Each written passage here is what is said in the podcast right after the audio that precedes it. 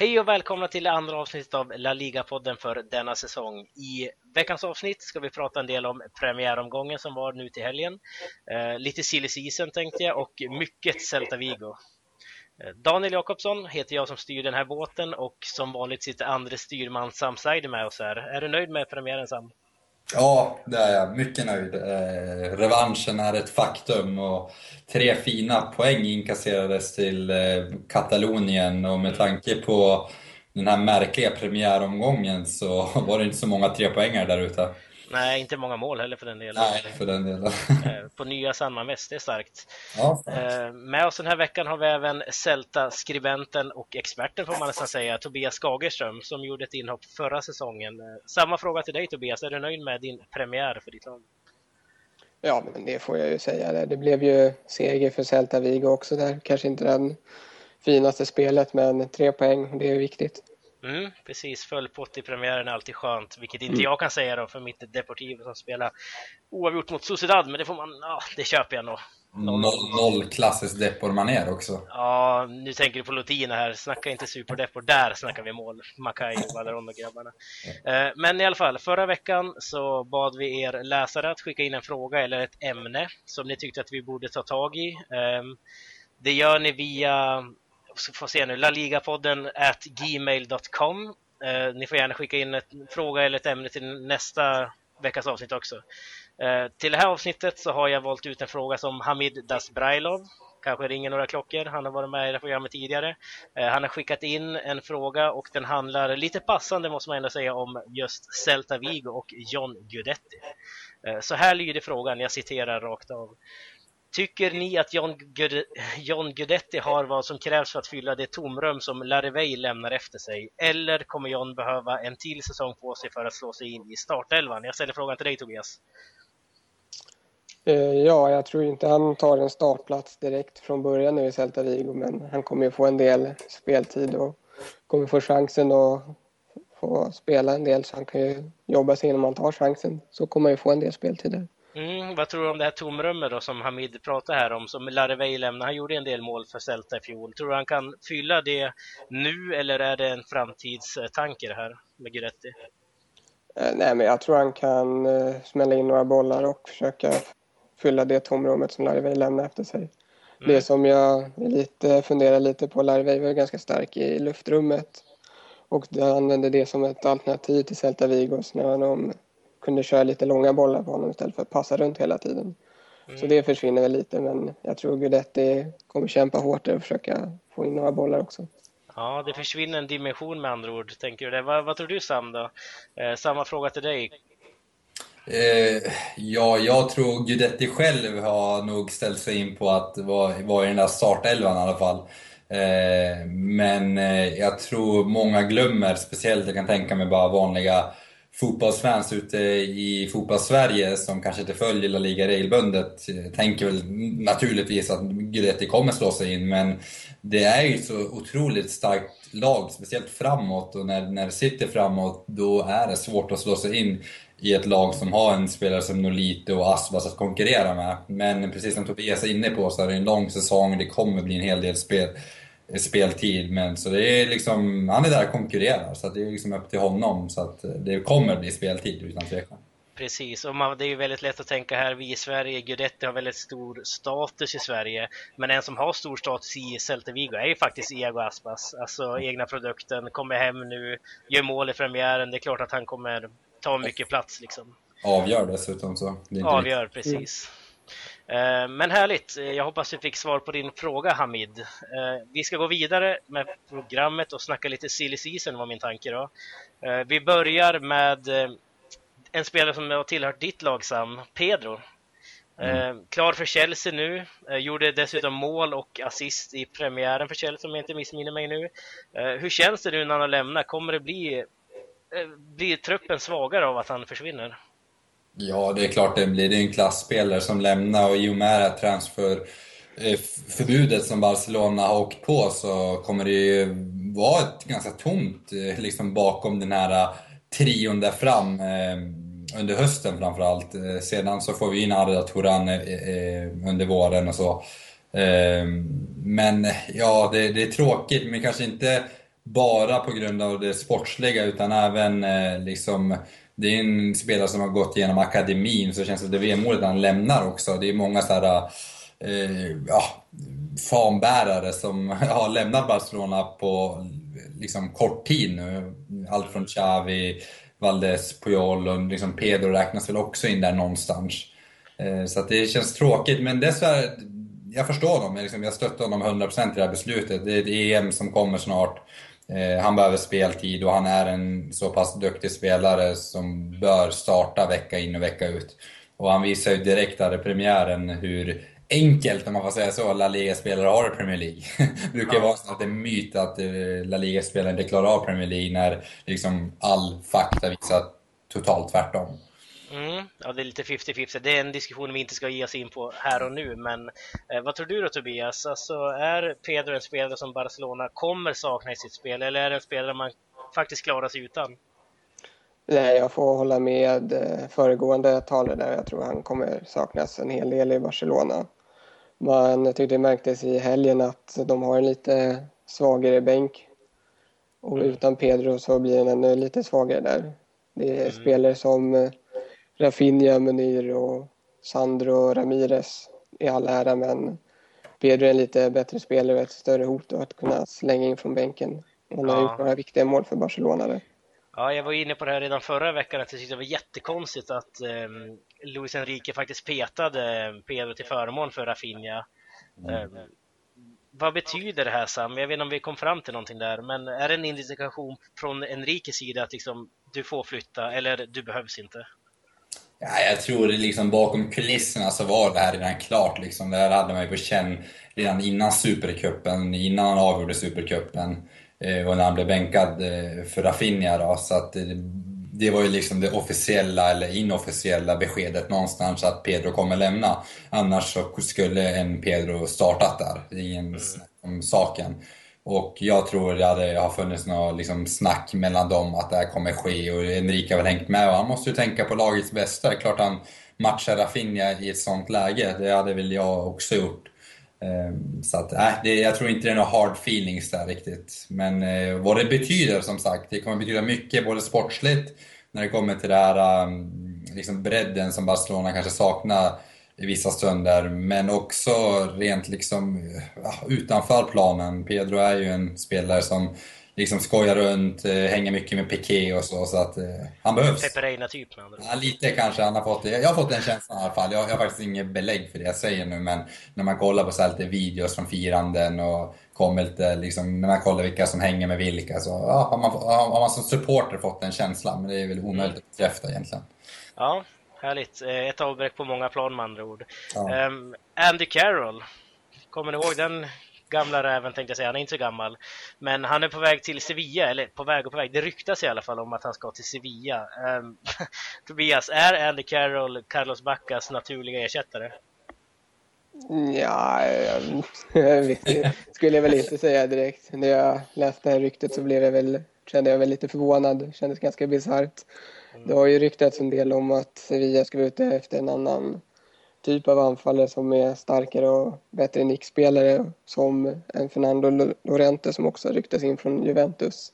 Mm. Och Carroll passar väl in på den eh, mallen så att säga men eh, det känns inte riktigt som en spelare för Sevilla. Och jag för mig att han har varit ganska skadad på sistone så jag tror väl inte det är så mycket sanning i det ryktet kanske.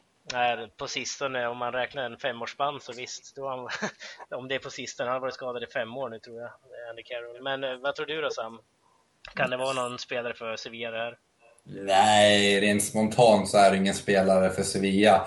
Men å andra sidan ska vi också komma ihåg att liksom Carroll, han är 89 om jag kommer ihåg rätt nu, så han är 26 år.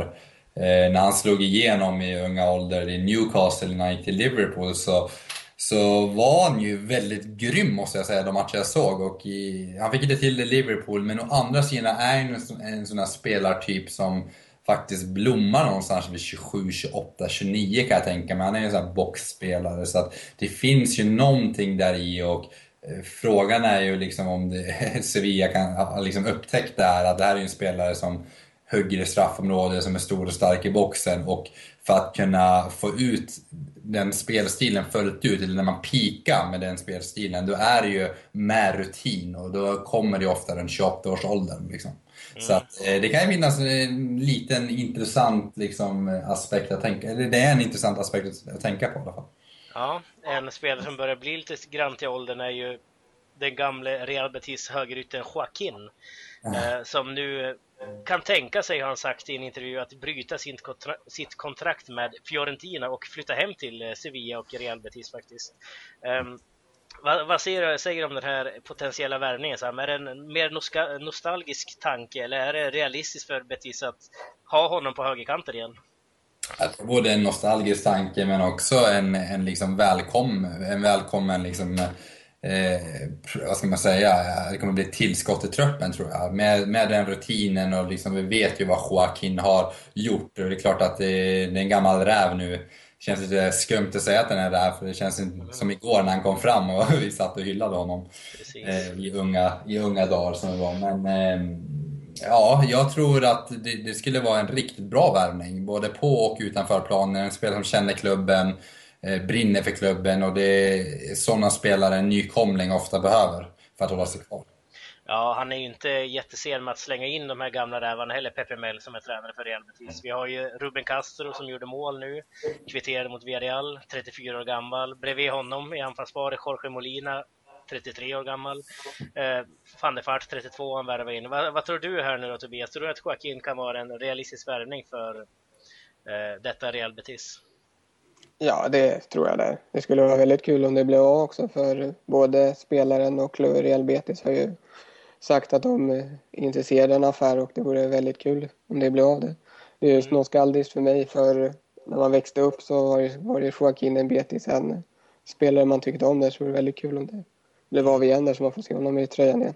Mm, tror du han skulle kunna bidra med någon extra dimension eller är han mer där som en liksom tröjförsäljare mer eller mindre? Jag tror han skulle kunna bidra med en del på planen också där som på sin kant och springa upp och ner och utmana lite. Mm, härligt. Eh, med de orden så sätter vi stopp för del 1 och när vi är tillbaka ska vi snacka lite mer Celta Vigo.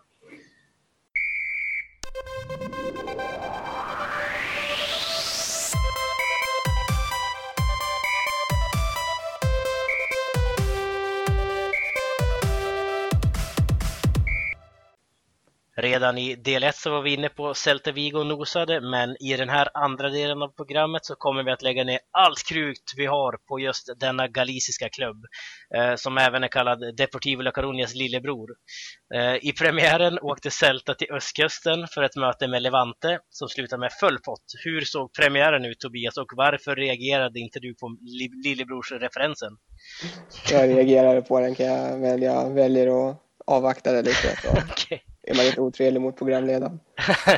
Men ja, premiären var väl kanske inte den roligaste matchen att titta på rent spelmässigt för Celta Vigo, men tre poäng och en seger, så det var det viktigaste. Mm. Levante fick ju en spelare utvisad redan i femte matchminuten där och det påverkade ju matchbilden ganska rejält. Ja. Och Levante backade hem ännu mer än vad de kanske hade gjort annars och Celta Vigo hade det mesta bollen men väldigt svårt att skapa så mycket framåt och heta chanser. Ja, alltså jag och Sam var inne på det här faktiskt redan innan programmet om Shimaos utvisning där. Vad, vad dömer domaren för? Vet du? Det såg fruktansvärt billigt ut. Ja, det reagerar jag också på. Jag kollar igenom reprisbilder, men jag ser inte riktigt vad han får rött för. Det vad jag läst lite efterhand var att han, att han skulle ha stampat på Aspas eller något sånt där, men det kändes lite billigt också. Ja, för det var det jag också försökte kolla. Är det någon eftersläng där som jag inte ser just nu? Eh, för när jag såg matchen liksom, eh, ja, live då, eller nu var jag inte där utan på TV, eh, då, då så hittade jag inte heller någonting. Vad, vad fick han rött för? Men det måste ju vara någonting vi inte, kameran har fångat upp, eller så är det en, en domartavla helt enkelt. Mm, jag trodde det var en armbåge som det handlade om från början, men ja, tydligen nej. inte. Eh, men eh, vad har du för eh, tankar kring premiären för Celta Vigo då Sam? Aj, ja, det är starkt. Jag tycker att Celta Vigo från fjolåret eh, liksom har något att bygga vidare på. I premiären kanske man inte liksom får ut liksom det registret på något vis, men eh, vi som har följt Sälja, Celta det senaste året vet ju att vilken kapacitet laget besitter när de är på den här högsta nivån. Eh, men samtidigt vet vi vilken, vilka, vilka dippar de kan hamna i och då tänker jag också på fjolåret när de hamnade i den här eh, konstiga dippen efter segern på Camp Nou. Eh, och med det sagt vill jag ju nästan liksom poängtera lite hur starkt det är att faktiskt ta tre poäng när spelet kanske inte stämmer i en premiär på bortaplan. Det är inget signum för de här lagen som kanske är liksom i mitten av tabellen eller liksom på den övre halvan som Celta förväntas vara. Så det är ju jättepositivt. Det, kan vi, det ska laget ta med sig. Och så bedrövligt av Levant att inte ens kunna fylla arenan till hälften nästan i en premiär. Alltså det ja. är ju illa. illa. Um, vi var inne på en spelare som blev inbytt i 69 minuten tror jag, John Guidetti tidigare i programmet. Um, hur såg hans eh, debut ut Tobias, tycker du? Jo, den såg helt godkänd ut, ganska bra där. Han kom in, sprang och kämpade. Han hade någon farlig framspelning till Nolito snett bakåt i straffområdet som kunde ha blivit bättre om eh, Nolito hade gjort, tagit emot bollen bättre. Mm. Så hade han något läge att nicka in från nära håll när han var några centimeter ifrån. Så fick han en varning efter att han dragit ner någon motståndare. Så det var väl ungefär det han hann med det. Mm, precis, varningen kom väl ganska tidigt efter att han blev inbytt också, jag för mig.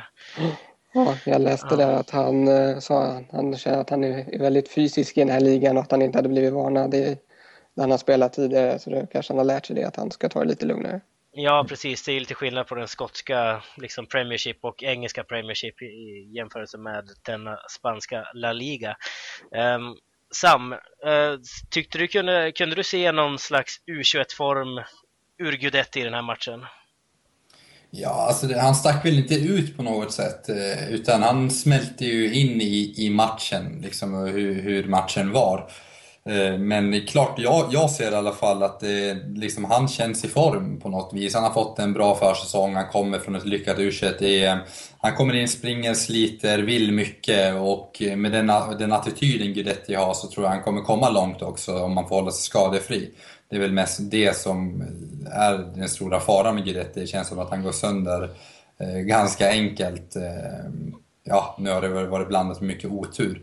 Men eh, ja, fortsätter han liksom kämpa och inte tappa huvudet. Det var väl lite liksom tjafs i Celtic vilket gjorde att han hamnade på bänken en längre tid efter en bra start. Utan håller huvudet kallt och liksom eh, gör sitt på träningarna, kämpar och sliter. Då kommer också den här kvaliteten att liksom eh, komma fram, för den vet vi att han har. Mm, det känns som att känslan jag har fått av Guidetti genom åren är att det är en väldigt eh, utpräglad formspelare skulle jag vilja säga. När det går bra för Guidetti, då går det bra för Guidetti. Då kommer målen, då kommer liksom entusiasmen, då kommer allt det här eh, sprudlande energin. Men om vi ser som i Stoke där han inte fick spela någonting, eh, i Celtic när det gick lite utför för honom, då tappade han formen. Då kom inga mål, då kom inga chanser. Uh, är du rädd för just det här Tobias, att om nu Gudetti placeras på bänken tillräckligt länge och säger nu att Aspas blir skadad, Gudetti klev in, har inte startat på 20 matcher, har han näsan för målet då? Uh, ja, jag skulle inte säga att jag är orolig i alla fall, för det känns som han uh, har kommit in väldigt bra i Celta Vigo. Han är ju en karaktär utanför planen och flera spelare i Celta har sagt att han är väldigt rolig och säger roliga saker. Han verkar ha kommit in i truppen med de andra spelarna och så, så att han trivs i staden och runt omkring och det är viktigt också för att han ska kunna prestera. Mm. Så jag tror att han även är lite förberedd på att han kanske får sitta mestadels på bänken i alla fall i början av säsongen och att han kommer få, få sina chanser och att det gäller att kämpa hårt och göra det bästa av situationen då när han får, väl får speltid. Mm, vad säger du Sam? Ja, och sen apropå det här med formen vi var inne på nyss, att vi får inte heller glömma att Guidetti har gjort en jättebra försäsong. Han gjorde väl mål i två eller tre raka matcher där. Mm. Eh, mm. Så att eh, det är klart att eh, självförtroendet finns där. Men jag är nog också lite inne på det du, är, du, du säger Daniel, att eh, eh, huruvida hans psyke håller om det skulle bli låt oss säga att Aspas inte går sönder eller någon annan forward och liksom Celta kommer in i ett sting, vinner matcher, eh, Guidetti liksom får mest göra inhopp, ha den här mentala styrkan att liksom kunna eh, liksom ha, hantera det. För att sedan komma in och ta chansen. Men nu, nu, tror jag inte det kommer hända, utan jag tror faktiskt att Guidetti kommer få spela från start ganska snart, om jag ska vara ärlig. Mm. Jag tänker de har ganska, nu vet jag inte, nu har jag inte truppen framför mig här, men jag tror de har ganska eh, inte så stor bredd där fram heller med tanke på att laget kör med tre anfallare. Har de tre eller fyra? Alltså hur många anfallare har Celta egentligen? kanske Tobias kan svara på. Eh, nej, det finns inte så jättemånga. Det är ju Aspas och Gudetti som är centrala anfallare där. Mm. Så det är väl det. Aspas kan ju även spela som offensiv mittfältare och då återstår ju bara Gudetti. Och det Mm. såg vi i premiären där. Då får ju båda spela samtidigt. Mm. Men jag tror Aspas är ju första valet som anfallare. Och så Mm. får Gudetti kämpa om andra platsen där. Så kan det bli att båda spelar ibland där.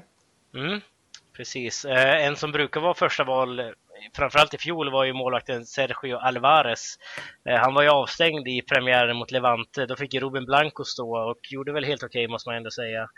Eh, nu är Ruben Blanco skadad i två till tre månader.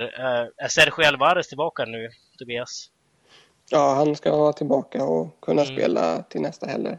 Mm. Eh, hur känns det då? Ska, är han första målvakt fortfarande i Celta eller är det Ruben Blanco när han är tillbaka? Ja, det är svårt det där. Beritz har inte velat säga vilken målvakt han föredrar som första positionen där mellan stolparna. Mm. För konkurrensen har ökat mellan dem eh, under försäsongen efter att Alvarez var det självklara valet förra säsongen. Ja. Så skadan kom ju väldigt otydligt för Ruben Blanco där när han väl för första gången på riktigt har chansen att ta en startplats så blir han skadad och borta två till tre månader. Så det är ju väldigt otur för honom där. Kanske precis. blir Nestor Diaz då helt enkelt. Ja, precis. han kan Han också. är- Ja, men eh, ser du honom som ett avbräck här Sam, att Ruben Blanco går bort? Eller är det sak samma med tanke på att Sergio Alvarez är tillbaka nu mot Vallecano? Ja, min känsla, men nu följer inte jag klubben så tätt in på som Tobias gör, men liksom utifrån känns det som att det inte är världens farligaste liksom, avbräck med tanke på att Sergio Alvarez eh, har varit första valet. Han är den mer rutinerade målvakten om inte annat. Eh, så att, eh, ja, jag tror inte mm, laget står och liksom faller med det. Nej, men eh, någon, en spelare som de ofta faller på är faktiskt Nolito som vi var inne på tidigare. Mm. Ehm, det är en, en vecka kvar av transferfönstret nu, eh, lite mindre än en vecka till och med. Blir han kvar i Celta Vigo, Tobias? Ja, just det. ju närmare vi kommer transferfönstrets stängning där så troligare blir det nog. För ja, Mm. det är en svår fråga men han har ju sagt att han trivs bra i Celta Vigo och vill gärna stanna. Men han har även inte stängt dörren för Barcelona utan sagt att om han ska lämna Celta Vigo så är Barcelona enda klubben som han kan tänka sig att gå till. Så det är nog lite upp till Barcelona om de är intresserade och kommer med ett bud så kan nog lite tänka sig att gå dit. Ja, precis. Pedro lämnar Barcelona. Luis Enrique känner ju Nolito sedan tidigare. Vad tror du Sam? Kan Nolito lämna Celta här nu? Ja, det är ju sådana spelare man vill ha. Jag, jag grämde mig precis över de här fanbärarna. Nolito är väl kanske ingen, ingen sådan spelare, men han känner klubben, har varit där, jobbat med Enrique. Han brinner för klubben. Ja, ja, jag vill ha Nolito i Barcelona. Eh, Nu känns det inte liksom att... Ja, jag vet inte, det varit några heta rykten de senaste timmarna eller dagarna tycker jag ändå. Som har spädit på det här, så att eh, det känns... Ja, det är ändå... Vad är det? Fem dagar kvar? Sex? Mm, stänger på måndag den 31. Ja. Ja, just det. Så att, eh, ja, det, man kan alltid hoppas och det det är ju sådana spelare som gör- kommer med de här uttalandena att det, liksom, det är Barca eller inget. Det är de, och ofta Barca, eller som jag som supporter vill ha, men som tyvärr Barcelona stänger dörren för av någon anledning. Mm, precis. Um, men um, vi ska börja runda av den här delen, men innan dess så tänkte jag höra med dig Tobias. I nästa match väntar Rayo Vallecano på hemmaplan på Balaidos. Hur går det? Ja, det blir eh, förhoppningsvis seger där också så med eh, 3-1 så får vi två segrar på första matcherna innan landslagsuppehållet. En bra start på säsongen. Och Gudetti näta va? Nej. i rätt Ja, vad tror du då Sam? Hur går det för Celta? Finns det, ska man vara rädd för Rayo här? Ja, Rayo med Paco ska alla eh, respektera, men på Balaidois eh, så tror jag att Celta kommer ta de här tre poängen. Och jag har en känsla av att Guidetti kommer in och sätter en liten boll. Mm, avgör kanske till och med. Ja, kanske. Få Aspas och svettas lite. Ja, härligt. Ehm, vi får se hur det går. Jag tror att Celta också vinner. Ehm, 1-0 säger vi. Aspas gör mål. Eh, men vi ska tippa vidare i nästa del och i nästa del ska vi även prata om eh, premiäromgången som har varit.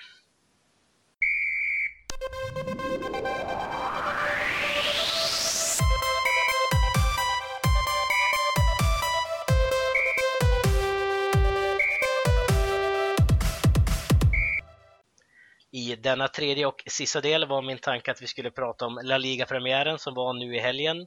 Eh, en liten summering skulle man kunna säga. Eh, till att börja med så måste jag hylla dig Tobias för ett mycket intressant dokument om Sporting Gijon på Svenska fans förra veckan. Eh, in och läs, ni som inte redan har gjort det. Skulle du kunna berätta lite grann hur det ser ut för Asturien och Tobias med tanke på det dokument och den krönikan ska man nästan kunna säga som du skrev om Sporting Gijon? Uh, ja, det, Sporting Gijon, de ju, har ju väldigt dålig ekonomi och en del skulder där. Och det var extra kämpigt inför under förra säsongen där. När de spelade i Segunda Division och då fick man ett transferförbud från, ja, från ligan eller vilken det var. Så man fick inte köpa spel under varken sommar eller vinterfönstret. Och då tvingades man satsa mycket på egna talanger och han hade de flesta från truppen kom från klubbens egna led. Och trots detta jobbiga situation så lyckades man ändå ta sig vidare till La Liga genom den sista omgången där, då man vann. Och sen som eh, Girona spelade oavgjort i sin match, så då vart man klara. Och eh, då började man förbereda sig inför den här säsongen. Men eh, köpförbudet var kvar även om det hade skett vissa förändringar i det och man kunde värva spelare under vissa premisser. Om man till exempel hade sålt eh, vissa egna spelare först och tjänat lite pengar och så. Mm. Men man har ändå haft väldigt svårt att jaga förstärkningar och sånt och man jobbar fortfarande med, mot vissa skulder och med dålig ekonomi. Mm, det låter lite grann som de här Fifa Financial Fair Play-restriktionerna som exempelvis Manchester City har. Inte för att det påverkar dem så mycket, men eh, det påverkar såklart Sporting Gijon här nu då. Eh, trots alla dessa problem med ekonomin och så vidare, att man inte kan köpa in spelare, att man har en ganska tunn trupp, 18 egna spelare tyckte jag du skrev i dokumentet där. Eh, mm. Nå någonting sånt där. Um, så spelar, kommer man in i premiären, möter alltså Real Madrid av alla lag Sam, och man spelar oavgjort 0-0 hemma mot Real Madrid. Hur upplevde du den matchen? Ja, jag upplevde det som att skönt att ha Sporting Gijon tillbaka med, med den atmosfären. Eh, på läktarna framförallt. Jag eh, älskar ju de fansen. Det finns ju vissa fans man är svaga för och Gijon är ju definitivt en, en, en, en av de lagen. Så att, eh, det var kul att se och på planen också väldigt roligt att se vilken energi. Eh, kommer väl, ja, Real hade väl sina chanser, men det hade Gijon också tycker jag. Så det var, det var en bra premiärmatch. Det var en, en bra 0-0 match. Eh, oväntat. Jag trodde Real ändå skulle visa lite, inte för att de är mästare, men lite rutin och mästarklass överlag som klubb och eh, plocka de där tre poängen till slut. Men gamle Abelardo där bak, han, eh, han stängde igen som han gjorde på sin egen tid också. Mm, managern i Sporting Gijon skulle säga. Manager.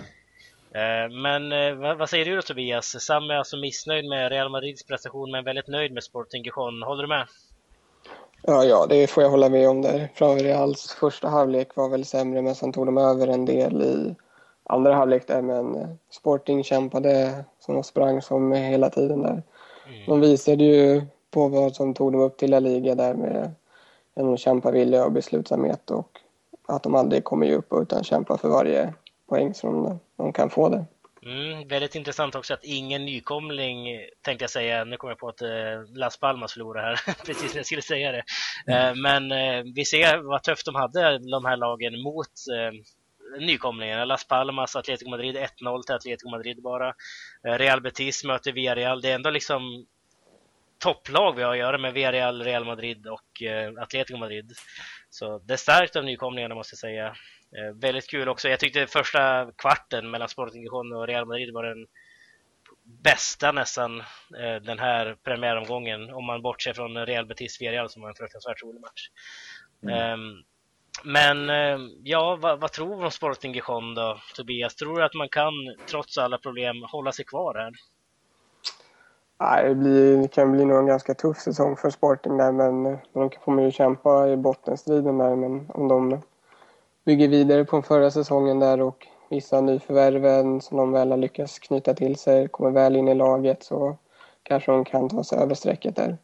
Mm. Och det verkar ju som eh, han de har lånat in från Roma där, Sanabria, verkar ju ha kommit in bra i laget. Han tror det var han som var nära och nickade in ledningsmål mot Real Madrid när bollen träffar ribban och sen studsar ner där.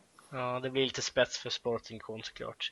Mm. Eh, men eh, ett lag som eh, faktiskt åkte ur i fjol men som kom tillbaka då på Elches bekostnad är ju Eibar. Och de fick ju en riktig succéstart när de vann borta mot Granada med 1-3. Eh, vad har du att säga om det här Sam? Eh, känns det nu som att eh, Eibar har hittat rätt någonstans? Ja, det, det känns lite eh, som fjolåret all over. Eh, mm. Skulle inte förvåna mig om de nu får en sån här succé eh, höst igen och sen bara faller under våren. Men det är klart att eh, fantastiskt bra start och liksom att vinna på bortaplan också. Det är där Ibar var ju känd för sin eh, skärmiga hemmastadio där. Eh, dessvärre väldigt tungt bortaplan.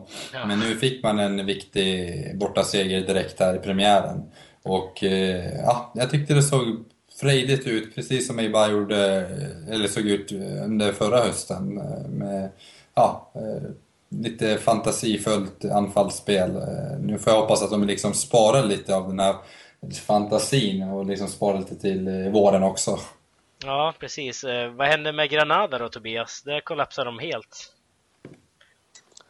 Ja, jag vet inte. Jag missade själva matchen där, men de har ju så jag vet inte riktigt vad som hände i matchen, men de har ju gjort om en del i laget och tappat lite viktiga spelare i alla fall som Allan, Nyom och Murillo till Inter och Iturra där. Så det kanske är lite viktiga tapp där som gjorts i truppen som blivit svagare och så. Ja, precis. Sedan får vi komma ihåg att den här matchen dog lite enligt mig när röda kortet kom. Eh, på, vad var det, var det Salva Ruiz kanske då? Ehm, Eh, så att det, det stängde ju matchen lite. Granada var inte bra innan det heller, men eh, de fick ju precis in sin eh, reducering där till 1-2 bara fem minuter innan det där röda kortet. Så att det var ju verkligen en kalldusch får man säga. Mm, och det här är alltså tio år sedan um, som, för tio år sedan så lämnade en viss Mendilibar, eh, Eibar, klingar fint där. Um, och nu är han tillbaka som manager för Eibar och kliver alltså in och vinner med 1-3 borta. Han ersatte Gaisca Garitano som tog upp laget i fjol. Uh, mm. Han ersätter honom nu i somras då. Uh, ser du det som ett bra byte, Sam? Ja, han är ju en gammal, han är en gammal räv, om man får säga så, i de här sammanhangen. Eh, har ju helt okej okay CV, kommer från Levante va, om jag minns rätt här. Mm. Eh, ja, precis. Levante, Osasuna och Valladolid. Ja, just det. Levante och eh, ja, en tränare som man vet vad man får. Liksom. Man vet vad man får. Vann väl Segundan också för ett antal år sedan, om det är ungefär tio år sedan nu kanske. Ja, eh, så att, eh, Ja, just det. Så att, eh, han, är liksom, eh, han har varit med på den här scenen ett bra tag nu och jag tror det kan vara bra att få in den här rutinen också just för Eibar med tanke på hur det slutade förra säsongen. Så kanske eh, Mendelibars eh, rutin kanske kan hjälpa laget eh, under sluttampen av säsongen. Mm, Eibar, eller Mendelibar tillbaka i Basken också, där han en gång föddes faktiskt. Mendelibar tillbaka i Eibar. Ja, det rimmar väldigt härligt. Um, ja. Barcelonas revansch mot Atletic då? Ja, vad har vi att säga om den matchen Sam? Eh, underbart! Vilken start! Skönt med revansch mot de där jobbiga baskerna där uppe i norr. Mm. Eh, eller centralt i en ganska norr, norr, norrut också.